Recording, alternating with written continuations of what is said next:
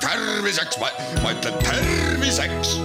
saade valmib koostöös Ida-Tallinna Keskhaiglaga, vaata ka itk.ee tere, head Kuku kuulajad, eetris on saade Terviseks ja me räägime täna südame tervisest.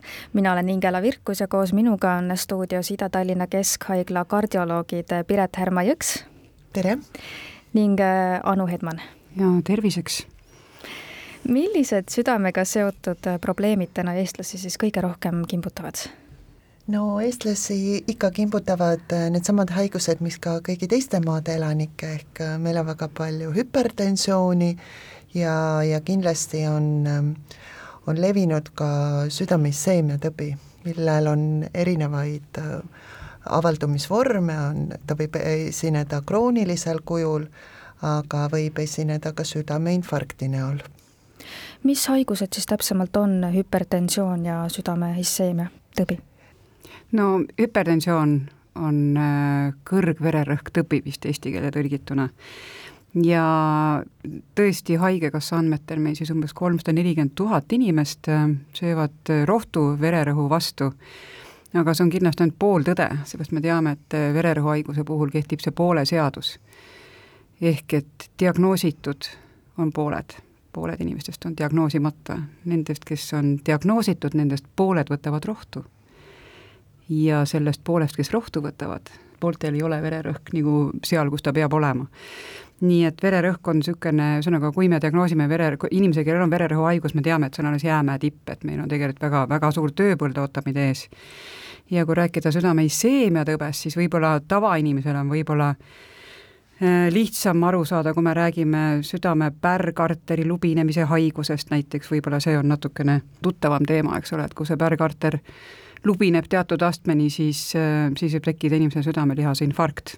ja, ja sama asi, äh, sama protsess võib ju toimuda ka, eks ole, aju veresoontega, nii et kui ajuveresoontes toimub mingi katastroof, siis on ajuinfarkt ehk insult, see kuulub ka kardiovasulaarhaiguste hulka, on üsna suur grupp nii et see vererõhuhaigus on üks põhipõhjuseid näiteks ajuinsuldiks ja, ja ka, ka südamelihase infarkti üks väga tähtis põhjus, nii et need on kõik omavahel väga seotud. kellel nende probleemide tekkeks suurem soodumus on, et kas on mingi kindla taustaga inimesed näiteks või mis on need riskitegurid? no üheks riskiteguriks äh, miks tekivad ajuinsult ja südameinfarkt, on kindlasti ateroskleroosi teke südame pärgarterites või ajuarterites. ja ateroskleroos omakorda tekib nendel patsientidel, kellel on siis kõrgemad kolesterooli väärtused, et see on üks väga oluline riskitegur. mida tähendab ateroskleroos?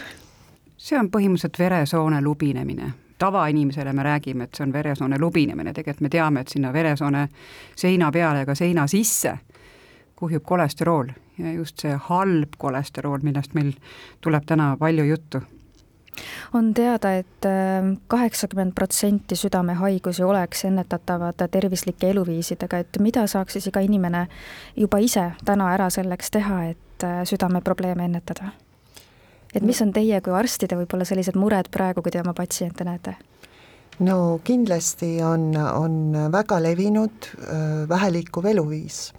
et äh, üks väga oluline asi, mida inimesed saavad äh, ise teha, on liikuda rohkem, loomulikult eriti hea, kui te-, tegeletakse regulaarselt treeningutega, aga ka selline tavapärane äh, igapäevane liikumine kindlasti tuleb kasuks.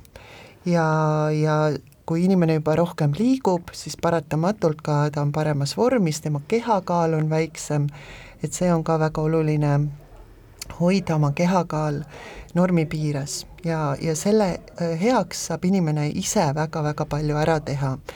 lisaks loomulikult äh, dieedisoovitused ja kontrollida ka kindlasti regulaarselt oma oma tervisenäitajaid, sest näiteks hüpertensioon äh, ei pea inimesel kuidagimoodi avalduma, et see võib kulgeda nii varjatult, inimene näiteks ei teagi ise, et tal on vererõhk kõrgenenud. et selleks peab ta ikkagi regulaarselt aeg-ajalt äh, kas perearsti juures või kuskil mujal, kus tal võimalus on, oma vererõhku mõõtma ja soovitav on kindlasti ka aeg-ajalt oma veresuhkrut ja kolesterooli väärtusi mõõta. Jah, siin tõesti, et iga inimene ise oma õnnesepp et äh, see asi hakkab teadvustamisest, et iga konkreetne inimene peab nagu enda selle riskikaardi raamatu lahti võtma ja mõtlema, mis on tema jaoks see kõige olulisem risk, et äh, tegelikult äh, üheksa inimest kümnest teavad, et vähene liikumine ja ülekaal on see riskitegur, et see, sellest asi hakkabki pihta, eks ole, ja võib-olla siis tulevad spetsialistid appi ja, ja aitavad nii-öelda selle plaani paika panna, on ju.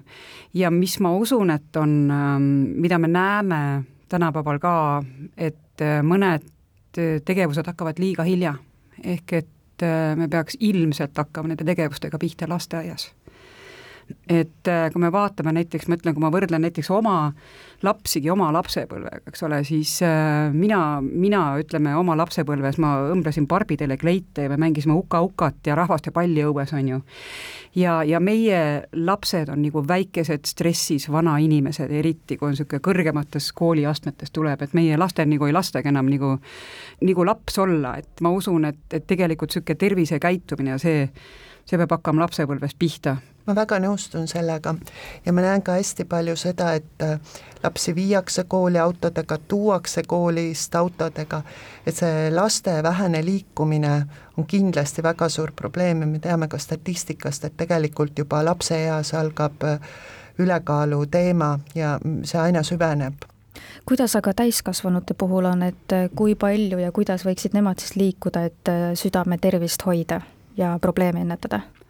Ma usun, et kõige lihtsam on hakata igapäevastest tegevustest pihta, et äh, ei pea ostma kalli klubikaardi ja minema kolm korda nädalas trenni tegema, eks ole, vaid leida endale niisugused kõige söödavamad nii-öelda liikumismoodused, mida võiks teha, et võib-olla tõesti see, et mine õue, võta oma kallid kaasa, mine õue, mine jaluta, see ei ole mitte lihtsalt sinu keha pärast, vaid see on ka sinu vaimu pärast väga oluline, sest et ega see adrenaliin on meil kõikjal ja kõigil, eks ole, saab meid kogu aeg taga, aga inimese kere ei ole disainitud selleks, et meil adrenaliin on kakskümmend neli seitse. jah, seda on meil vaja ürgajal, kui me lõvi eest ära jooksime. aga tänapäeval peab igaüks leidma mooduse, kuidas see adrenaliin välja ajada, eks ole, et tõesti leida niisuguseid, iga, iga päev natukenegi, eks ole ju, võta töö juures, mine üks kord päevas näiteks käi sinna viiendale korrusele ära, on ju, ja või, või mine, mine koju ja mine tee tõesti üks tiir metsas, lase see adrenaliin välja, et see on kõigile hea, ma, ma usun, et asja ei pea enda jaoks keerulisemaks tegema, jah. kuigi aga ma usun, et on inimesi kindlasti, kellel on vaja seda nii-öelda eh, karjaasja, et ma pean minema teistega koos, võib-olla see motiveeritus on parem, et ma pean minema teatud kellaajal kuskile, see on absoluutselt, kõik on okei okay samas on riskitegureid, mida inimesed ise muuta ei saa, kui me räägime näiteks siis pärilikkusest ja geenidest, et eh, kuidas need inimese tervist ja südame tervist mõjutada võivad? Ja väga palju, igal inimesel oma geenikaart ja see määrab tema riskis äh, päris palju, aga me ei, me ei tohi nagu ära unustada seda, et äh, geenid on ainult pooltõde. et kui me neid geene ei provotseeri oma käitumisega, siis see geen võib seal rahulikult istuda ja olla, jah, aga ta ei pruugi olla nii-öelda haiguse põhjustaja, nii on tegelikult väga paljude, paljude geenide puhul, nii et mulle meeldib see Margus Viigimaa kahekümne viie südamesoovi niisugune äh, lause siin, et head geenid on laevaga, kapten oled sina ise väga hea mm. mõte, aga milliseid äh, südameprobleeme või südamega seotud probleeme võivad siis pärilikkuse geenid ikkagi oluliselt mõjutada? no see, mille, äh, millest me nüüd tänasel päeval palju räägime, on ikkagi perekondlik hüperkolesteroleemia, kus me teame, et on, on kolm põhilist geeni, äh, mis võivad siis ähm, kolesterooli taset oluliselt tõsta ja nendel inimestel on, on erakordselt suur äh, tõenäosus äh, haigestuda oluliselt varem kui teistel inimestel ateroskleroosiga seotud probleemidesse, ehk siis sellesse, millest varem juttu oli, saada varaselt südamelihase infarkt või saada ajuinfarkt. juba siis kolmekümnendates ja neljakümnendates, eks ole? No just nimelt. Nii et me oleme tegelikult noh, nii-öelda õnnega koos, et meil on Eestis ka see võimalus äh, neid geene märata, see on meil olnud aastast kaks tuhat seitseteist tegelikult, kui me saime nii-öelda noh, ütleme la-, laiemal, laiemal rahvastikul hakata neid geene määrama meil Eestis ja meil on ka muid südamehaigusi, mis on geneetilised, meil on osad niisugused südamelihase haigused, mis äh, tulevad geenidega kaasa ja on ka üsna, üsna agressiivsed ja, ja paha kuluga nii et selles mõttes meil on noh, nagu üsna palju teadmisi olemas öö, nendest, nendest geenidega edasi kandunud haigustest, aga väga paljude haiguste puhul meile nii-öelda jääb ainult see, nagu me arstide keeles ütleme, et meile jääb see diagnoosimise rõõm. aga me väga paljude geenihaiguste puhul noh, ütleme, meie käed jäävad nii mõneski mõttes lühikeseks, aga siin selle perekondliku hüperkolesteroleemia puhul äh, siin on teada üks konkreetne geen, see on teada, mida ta põhjustab, ta põhjustab äh, kõrget äh, kolesterooli, seda halba kolesterooli ja seda me oskame ravida.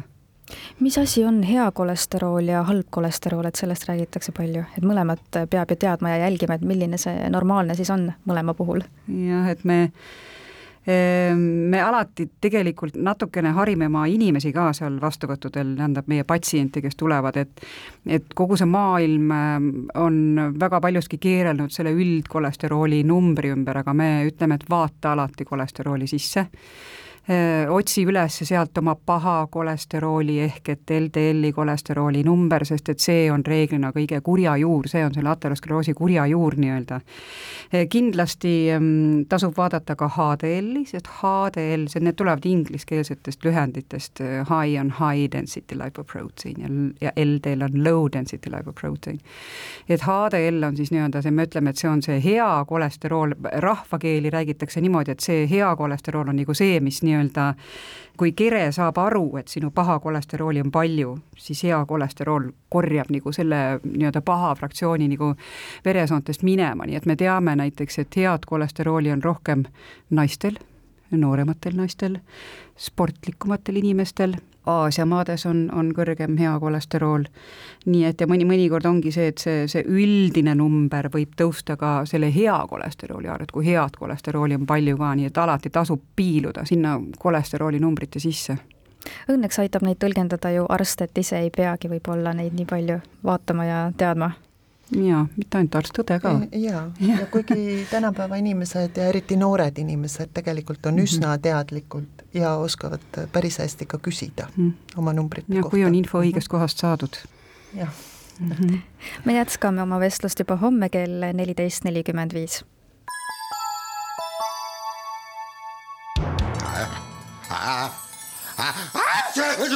terviseks, ma ütlen terviseks saade valmib koostöös Ida-Tallinna Keskhaiglaga, vaata ka itk.ee